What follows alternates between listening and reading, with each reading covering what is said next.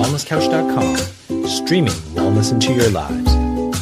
Welcome to Nourishing the Mother, featuring your hosts Bridget Wood and Julie Tenner.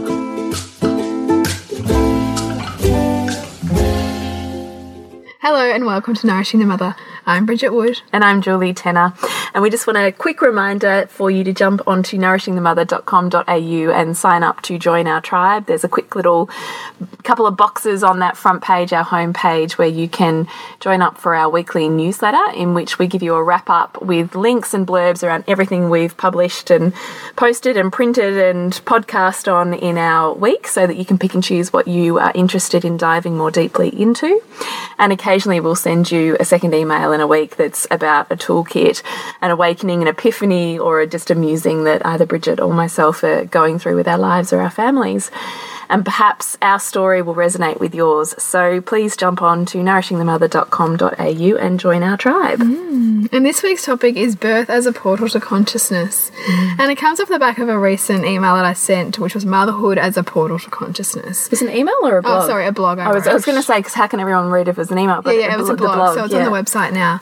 But uh, I guess it kind of comes back to that point. I mean, the beginning of motherhood is, is I mean, ultimately it's a moment of conception and you're carrying a baby, mm. but but birth and that bringing the baby earth side is such a profound transformative process for a woman that I can't help thinking, you know, when we look at birth as an opportunity for us to grow and transform, there's just such wisdom to be found there. And and also when we look at it from the perspective of there not being any right way to birth, but simply what we can intend upon it and take from it. Mm. Oh, look, that's 100% the way that I see birth. I mean, yes, I'm a pro natural birth advocate, but however your birth ends up rolling out or has rolled out, still has within it the utter perfection mm. of your story. You know, how we talk about our children are perfectly designed to express what we need, mm. that, you know, challenge helps us grow, that we call in mm. experiences that, that are taking us to our next evolution birth is is really mm. totally part of that. It is just that the layers of birth run so deep. Mm. And I really love that we're opening up the conversation on this because there are so many women who both email us or make comment in yes. our tribe around the trauma that they're still carrying around how yeah. their birth ended up. So potentially if they've had a intention for a really natural birth and they ended up with you know lots of intervention, perhaps they've got like guilt around what mm. their baby did or didn't experience as a result of that or who they mm. are now showing up as or not showing up as as a woman and mother as a result of that. Mm. And I think that there's such importance for us to open up this topic and look at the gifts even in the challenge of, birth or the gifts even when birth doesn't go the way you thought it should mm. yeah i feel such a deep sadness when I, I, mean i sadness in that i resonate with with the women that are writing these messages because it's such a you know heartfelt intense mm. situation that they've found themselves in but when they're carrying this extra layer of guilt and pain and shame and mm blame even around it. I feel such a sadness because I feel like no one in this universe has given them the opportunity to actually find the grace and the love mm. in that. Mm. And there is, mm. you know, no matter what your story is, there's there's utter perfection in how that rolled out for you and your child. And don't forget, as you say, Bridget, it's it's a co-created experience. Mm. mm. So you know, um, and I know I've touched on before that the birth in itself, I'm. Um, have moved through the, you know, there's certain circles that we're looking at purely birth as being a, a spiritual orgasmic process. And that um, I think we can harbour a lot of guilt when we're really focused on birth being this one sided um, way of being, or, or the possibility of birth being completely pleasurable that if our children have experienced any part of trauma that that therefore that's damaging trauma as mm, well mm. and what i think we often miss is that there is a level of trauma that's necessary mm. in order for them to actually birth you know we talk about the mm. compression on the head which sets off all sorts of neuro pathways and mechanisms to actually jumpstart a body ready for life mm. with gravity and life with breath and you know all of these assaults that happen on a physical body and all of a sudden these pathways of, of pressure and compression and stress and the hormones of mm. stress that kickstart that body ready to take its first breath and to, to be in survival mode to jumpstart that system i mean there's a level of of stress and challenge and indeed trauma that is healthy and mm, necessary. Mm. in order for our human species to to survive. That's it. And you know, we talk a lot about you know our, our, greatest growth happens at the border of support and challenge, and that's true for a baby in utero and a baby during birth as well. Yes. And sometimes those greatest challenges, you know, i.e., it might come through the mother if a mother's really stressed. Sometimes those babies are born bigger because they know that they, they're perceiving that the world outside they need to be on guard for more robust, for. more robust for. Mm, mm. Um, and and who are we to say that, that that's wrong? Because in fact, perhaps they're really that's creating really resilient child yeah. as a result of that environment. So that there is the purpose to that trauma. It's it's not there necessarily as as a as a big problem, but rather something to be understood. Absolutely, and so I just I just want to put that out there first off because I think we can banter around this this topic of birth trauma too, and um, feel stuck in that story mm, mm. sometimes. Mm. Um, you know, I mean, I've certainly been at, at, you know, birth workshops where we're looking at rebirthing or, you know, regressive patterning in children or, you know, birth trauma that's still residual. I've myself treated um, children that have stored birth trauma within their bodies. But I mean, all of that ultimately serves a purpose mm, still. Mm, mm. So, you know, I think I've said maybe on one of our original birth podcasts, I just remember this one particular baby who um, had this really, her mother was just losing the plot because she was crying all of the time and couldn't handle anything on her feet. So, onesies, socks, you know, blankets, mm. anything, blah, blah, blah. And ultimately, we looked at her birth, and the obstetrician had pulled this baby out by its feet. And so there was a level of trauma stored on a physical, mm. cellular level mm. that was still resonating, was too painful even for that child to, to have touched, right? Yeah. So we went through this process of, of essentially cry listening and, and releasing the physical aspect of that, and ultimately that baby moved through it. Um, but even in that, where we're saying there's a point at which that is dysfunctional in inverted commas for that mother. So it's creating this child who's more highly stressed, who can't settle, who won't settle, who's mm. creating stress within the family dynamic, who's who is even to say that that in itself is wrong? Like mm. there is mm. potentially perfection in the dynamic of having a highly charged, highly needy child. Mm. Who does it call in? Who does it call out? Mm, yeah. Who does I'm, it I'm move thinking. through? Who, you know, I mean, even in in the design of the dysfunction, there's function. Yeah. Right. So. Even though we want to judge birth trauma as traumatic and therefore something that we want to eliminate, mm. by the same perspective in applying the toolkit that Bridget and I talked to you about in this in this podcast in Universal Laws, you, you, you do need to take also a step back mm. and see the function in the dysfunction mm the service in the dynamic that's been created. How is this serving the situation? How is this helping me as opposed yes. to something that we need to that we need to change or run from? Yes, uh, yes, exactly. It's exactly the point as opposed to running from it. So it's not to say that you have to love everything, right? Because mm. you get to the point, but you have to get to the point of seeing the perfection at play so you can let go of the story of mm. the mess up or the, you know, this is wrong and this is wrong and this is wrong and the guilt. Mm. You need to come to a point of gratitude and love for the way that it is because you can see what it's provided. Mm. And then you have the ability and the power, and here's the mastery, right? Is to then move that energy into the way that you want it to manifest as opposed to, to it being unconsciously manifested. Yeah. But you can't get that level of mastery and move it until you get to the point of getting out of your victim story about the the blame, the shame, the hard, the that's keeping you stuck there, and mm. you see the love and the gratitude that that exists in its very function. Mm.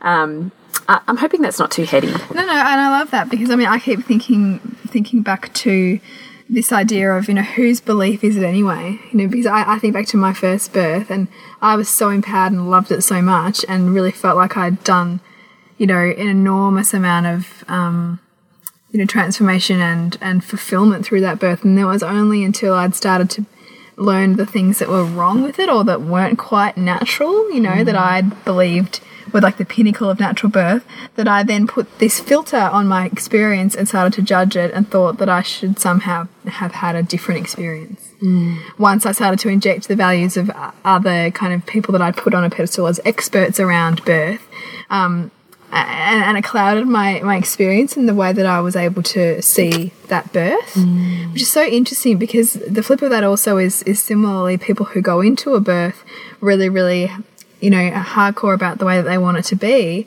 and it doesn't go that way, and, and they feel like they've failed. Mm. Well, it's not really failing, rather, it's just not living up to perhaps some person, whether it's yourself or somebody else, some person's ideal around how it should have been. Hmm, yeah, it is. I look. I think there's many layers. I mean, Rhea Dempsey calls that that um, subsection of women as the aspirationally naive. Hmm. So you probably, I'm hearing it was you, Bridget. Yeah. That was me too in my first. I mean, I think I probably put enough choices in place that I didn't fall down the path of intervention. But Yeah. in this country, in Australia, in Victoria, only 3% of births are natural. Hmm. 3%. Like, just sit for a minute with how tiny that figure is. It's not even big enough to actually have a good sample size. 3%. This is phenomenal. So, your chances of being in that 3% are very minimal. Mm. And that's why I'm pretty hardcore, and I know that you are too, Bridget, around creating intention and choice Yeah. that manifest that 3%. Mm. Thinking that you're going to walk in and just kill it because you've got this fantastic, you know, knowledge of your body and you trust your body and you women have birthed in fields for generations. Yes. And you love your obstetrician. um, you know, well, you're just going to rock up and wait and see. Yeah. You're, you're not in that 3%, hun.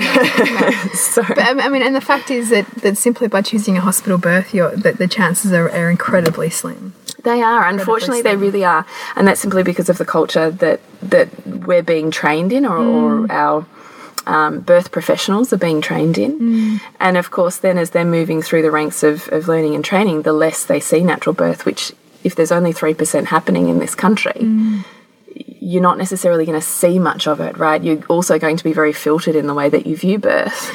Because you see 97% of birth as needing intervention. Mm, it's true. and it's that whole kind of principle around human behavior. You know, I'll I'll see it when I believe it. Well, unless they believe it's possible to have an intervention-free birth, they're never going to see it because they're never. No, and they don't build the skill set. That's why we, we now mm. don't vaginally breech birth. Yeah. Because nobody has been trained in it for 15 For years. decades, they're now saying to bring it back in, but they, but yeah, exactly, there has not been. You can't have a birth experience where you don't have anyone trained in it. Mm. you know, like, Yeah. so, so uh, anyway, we're, we're digressing from the point of this podcast.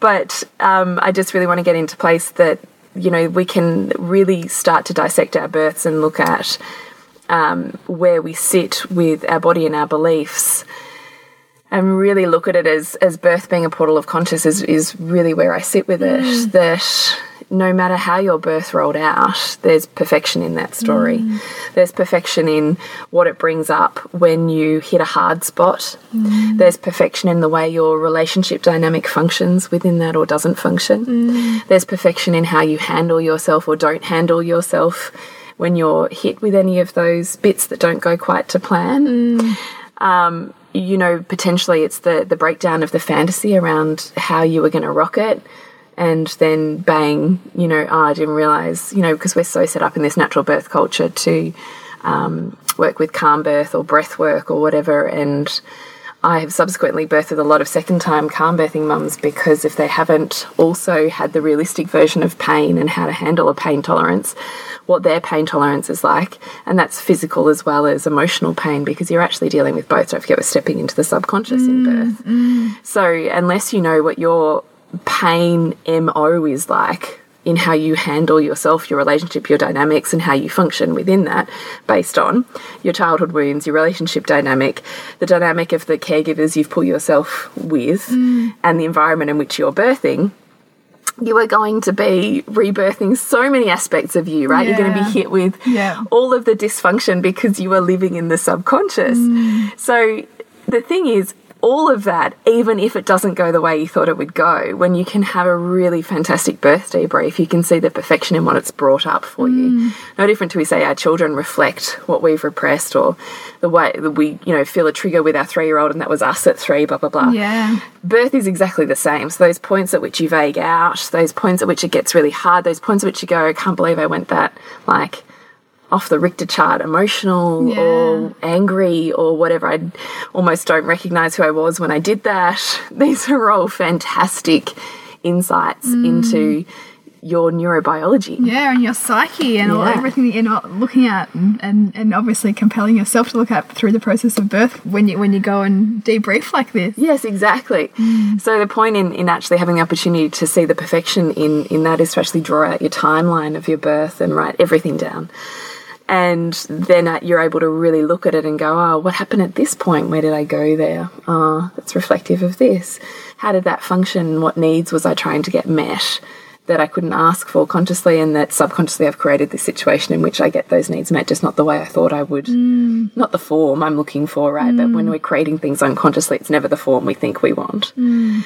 And the insight that that gives into our wounds that need addressing, into our beliefs that are ready to be let go of yeah. into looking at the dynamics at play that currently don't serve us even more, even though we're still running them. Like there's so much insight and perfection in how that rolled out the way that it did. Mm. And just, you know, particularly even the births that don't go to plan, how much did that serve you as a woman? How much did it serve you even in, in completely rocking your body trust? How much does that serve for where you're at now? Mm. Does it equilibrate um, perhaps the um, pride you felt in knowing everything about your body and judging those around you who didn't? Mm. Does it give you more compassion and empathy to other women, mothers, loved ones who've had not so idyllic experiences? Mm. Does it give you more compassion and connection to them?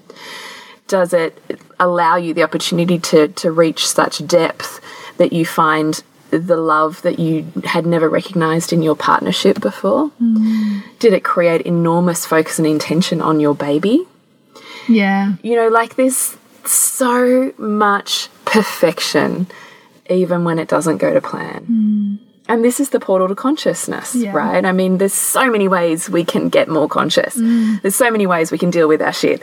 And this is just another one- one pathway. ways. And I love it because you, the opportunity that's lost when it all goes perfectly to plan is that you don't get broken open by your birth. And when you get broken open by your birth, you you are transformed. You are for, forced to face these parts of yourself that, that you perhaps didn't want to face. Yeah. Look, I probably. Yeah, look, I'm in two minds about that bridge. I totally get what you're saying that that our greatest awakenings happen at our greatest breakings. Hmm. But also having had incredibly profound birth experiences, I also see what they opened me up to that wasn't hmm. through cracking. Yeah. Okay. You know, so when I've had birth experiences that that that I've had that have been profound and incredible and soulful, it's because I've cracked myself open in pregnancy. Yeah, and and I guess that's what I'm getting at. So there, there's there's different there's there's no way to consciousness without cracking yourself open, and so you're either doing it intentionally through the pregnancy journey, which is probably like a a, a, a narrow percentage of women would do, Yeah. or you're being taken to that place through birth. Yes, Potentially. I would agree with that. And then, so by the time I get to birth, I have a toolkit and a team around me that's that's perfectly resourced for what's come up. Right, what I know is is lingering in my subconscious, and beyond that, I've already peeled back layers, which allows me to access this greater sense of gratitude and peace.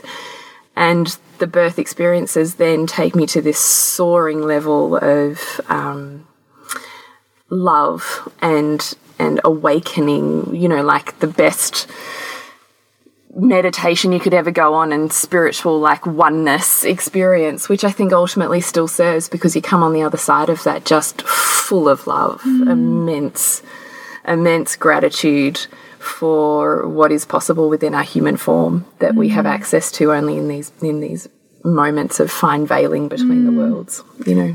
For the mother who's pregnant or thinking about getting pregnant, what does that work look like in pregnancy?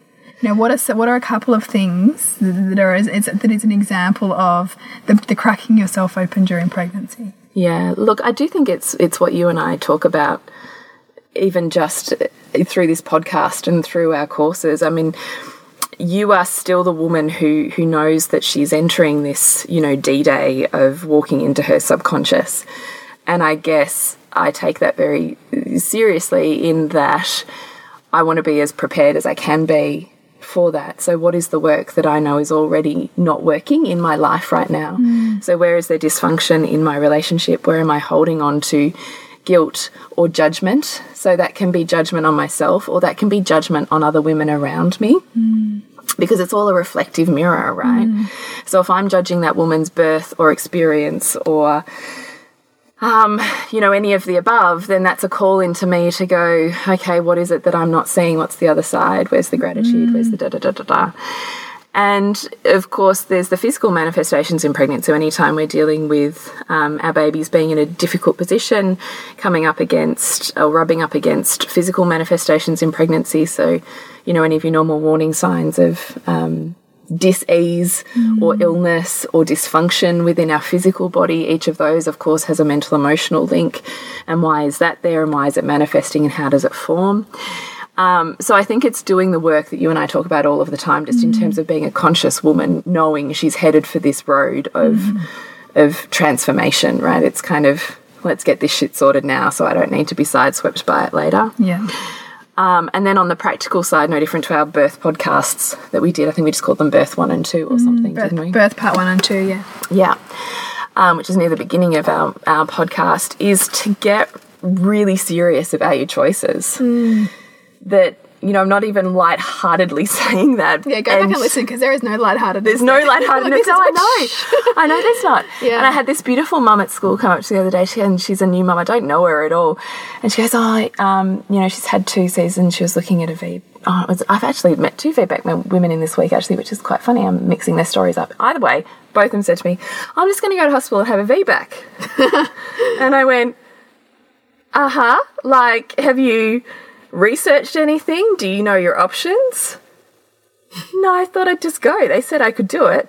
Oh my god. And I'm like, okay, well, you probably want to start looking around, right? You want to be looking at, at your statistics. So, whatever birth you're seeking, if it particularly sits on a fringe of comfort zone for a medical model, which certainly VBAC fits Yeah. into, where are you going to get the best outcome? Because all hospitals, all obstetricians, all midwives have their own birth outcome statistics.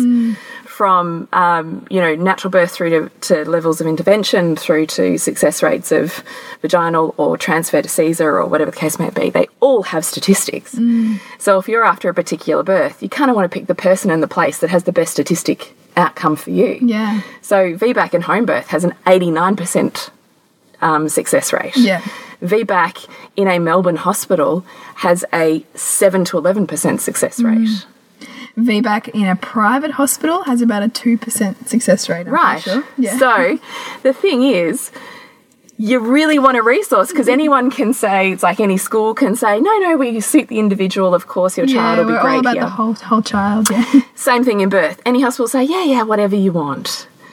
But ultimately, they're all run by policies and procedures which largely they don't tell you about, which you need to be savvy about and know. So you can, and I said to this woman, you can do anything you want to do as long as you know exactly what their policies and procedures and guidelines are. You know exactly what you will and won't do, and you'll advocate around those for yourself. And you're willing to have all of those conversations in your pregnancy before you get to birth. There is no point in in your head going, oh, well, I'm just not going to do that, and this is the type of birth I want, and here's how I'm going to go about it. And then not be willing to balls up enough to actually have those tough conversations and potentially conflict, and certainly get in writing what you're um, allowed in inverted commas or have agreed to with those care providers so that it's in the birth plan when you get there. You can't spring it on anyone at the birth because that creates such enormous conflict and stress within your body that I don't know what baby is really flying out of there in a yeah. in a open way. So, um, I am very, very big on own your choices. And How did those two? How did those two women take that? Were they a bit deer in the headlights, or Yeah, they were, but then they were like, oh, I didn't even know. And I'm like, well, you know, I'm having a natural birth, right, with no history of anything. So I'm not even on the fringe here. Yeah. And I know that when I will step foot in that hospital, I've got six hours to birth my baby. They want to admit you at four centimetres and they give you one hour to dilate one centimetre over the course of six hours before they say, this is now not working. Hmm. I have never met a first time mum not never, I don't want to say never. It's exceptionally rare to meet a first time mum who can dilate a centimetre an hour hmm. And have her baby within six hours. But, you know, this is the climate we're birthing in. yeah, So you really have to know what those policies, procedures, protocols, timelines are that, that are in place legally and, uh, you know, based on li avoiding litigation through those hospital systems and know that you are resourcing yourself enough to work around those to be able to um, mediate the type of birth that you're after. And certainly having a birth advocate outside of the hospital system is ideal. So, an independent midwife or a doula. Mm.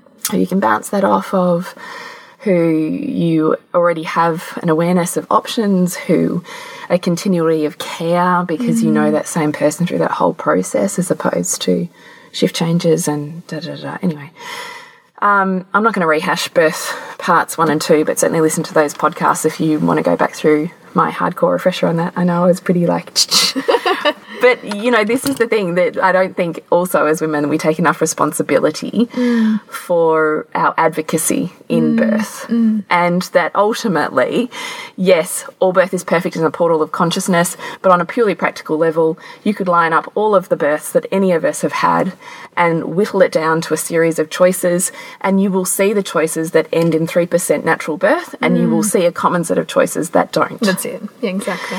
And I take that really seriously. Mm. So, um, depending on what you're willing to look at in mm. pregnancy and how empowered and full of your own voice you are willing to be, how much are you willing to step up mm. for you and your baby in, and this is, in I mean, pregnancy? This, this is the key part to consciousness because so many women, uh, you know, as girls, we are you know what what is revered is the good girl who listens, who does what she's told, who you know waits her turn, all of those things. And, of course. and advocating for yourself in birth is busting all of that.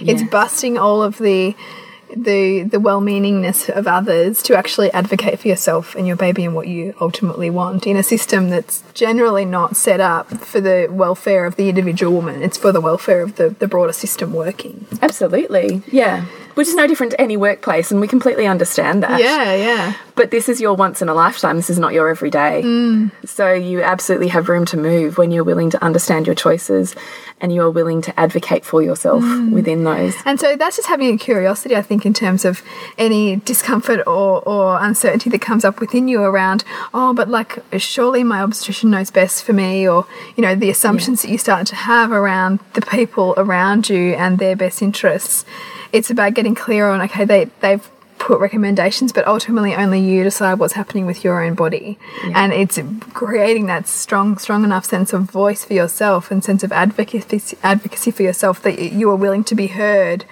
You know, when the going gets tough, or you know, mm. even before that, ideally, so that you're not having to get to the point of conflict before Actually, something transforms. Have we even talked about that obstetrician appointment that I had? Did we even talk about that? no, we should talk about I don't think we have. Let's talk about that. that, that yeah, well, this actually yeah. highlights it perfectly, yes. right? So, as you know, I've come from um, always hired an independent um, midwife and doula to be with me. My first birth, we went to Monash. Um, which is like a really was was a natural birthing hospital now is, is totally um, tertiary level high care mm. kind of um, space. But back then they had a birth. They had a birth centre, yeah. And that's that's where I went. Um, and largely was there for 20 minutes just to have my baby on the bed and thought it was ridiculous. So then I had my next two were home births.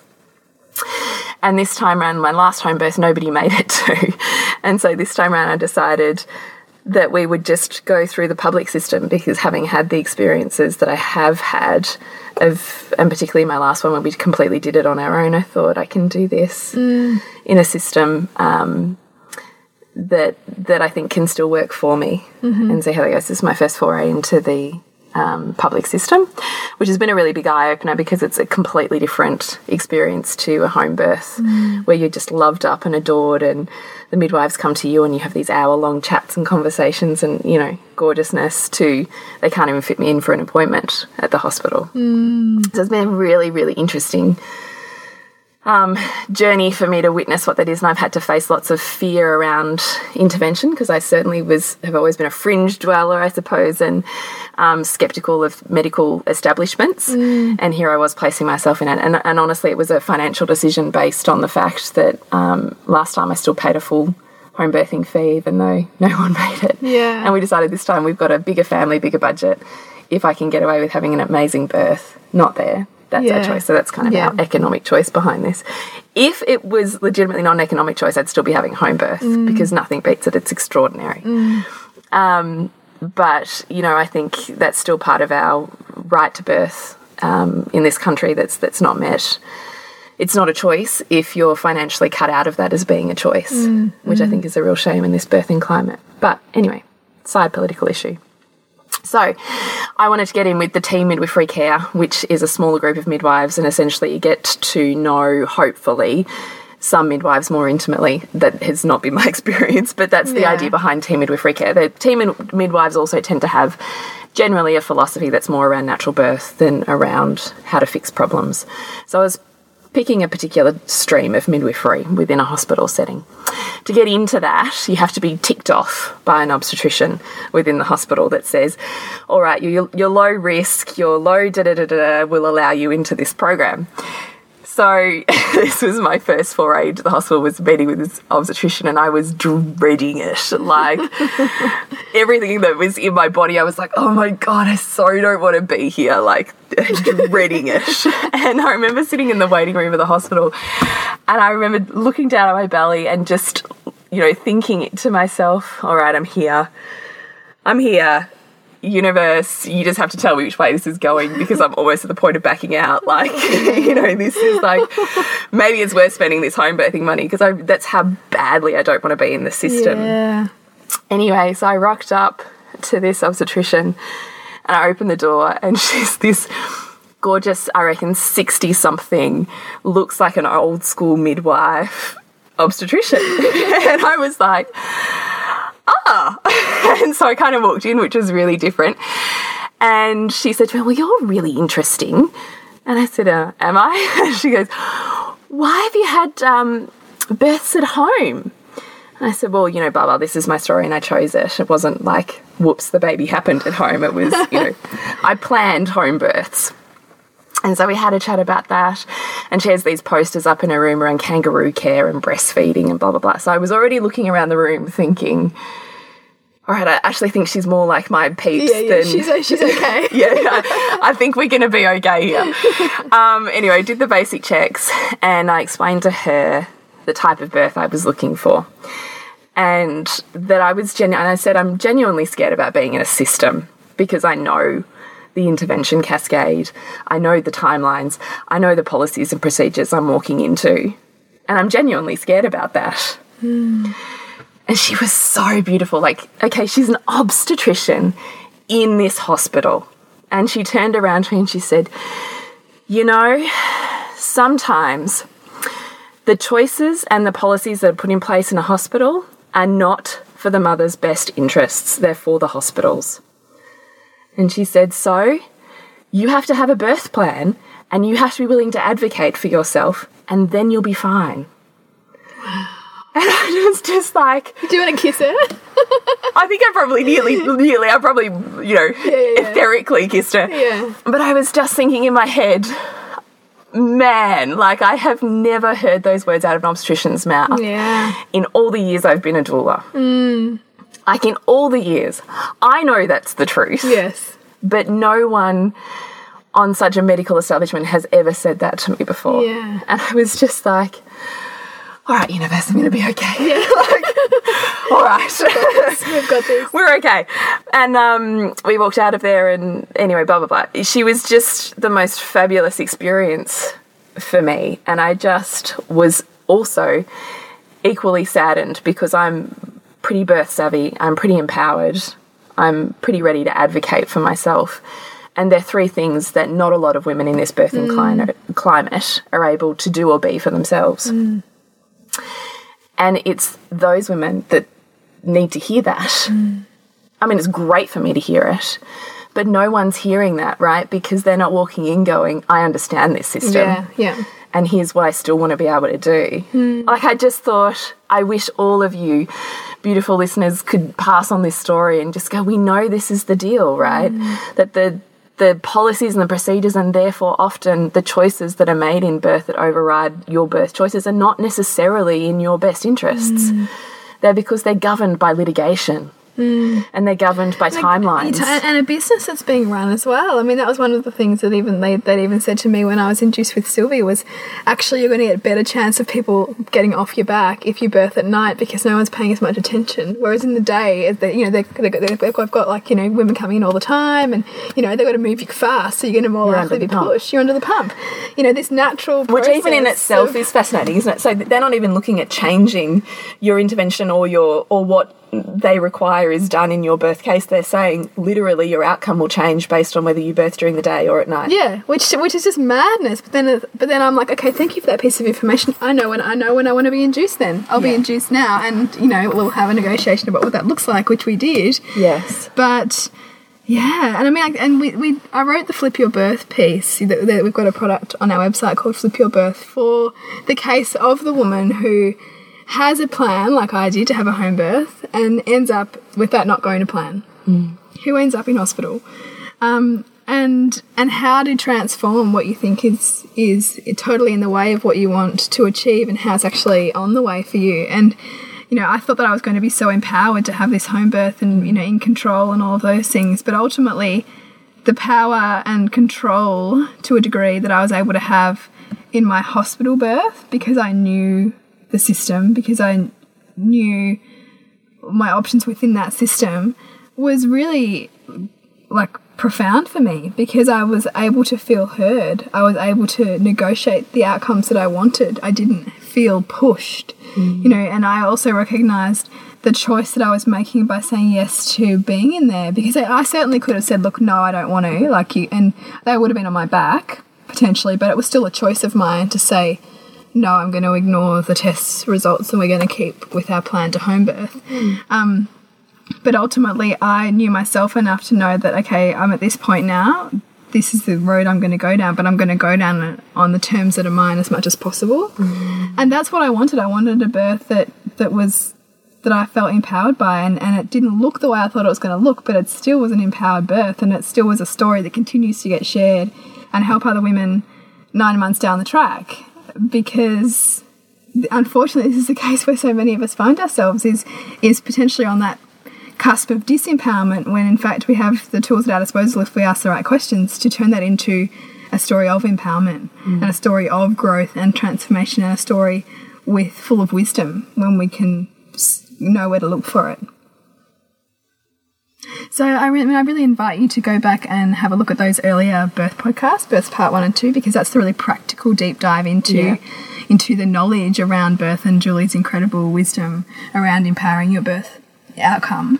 Um, and if you do have a story that you're not, um, you know, grateful for yet in terms of the birth experience that you've had, then I really, really invite you to go onto the website under products and have a look at the Flip Your Birth download because that was a really powerful set of questions. I was going to say it's a genius. It's a genius set of questions. It, it was it was a set of questions just so people have the background that I um, devised, I guess, for myself when I was sitting in the hospital. It was about like four a.m. and I was up, and I knew I was going to be induced with Sylvie that like later that day, um, and I knew like how much getting myself congruent with the choice that, that I was making to do that would would really help the both of us and really help my body um, follow suit um, because I needed to do some uh, my my cervix. Well, they have such wonderful terms, don't they? I didn't. My, my cervix wasn't optimum, you know, and they had, there was just some some stuff with my body that wasn't quite lining up for the induction to work very well, um, and I wanted to do as much of that myself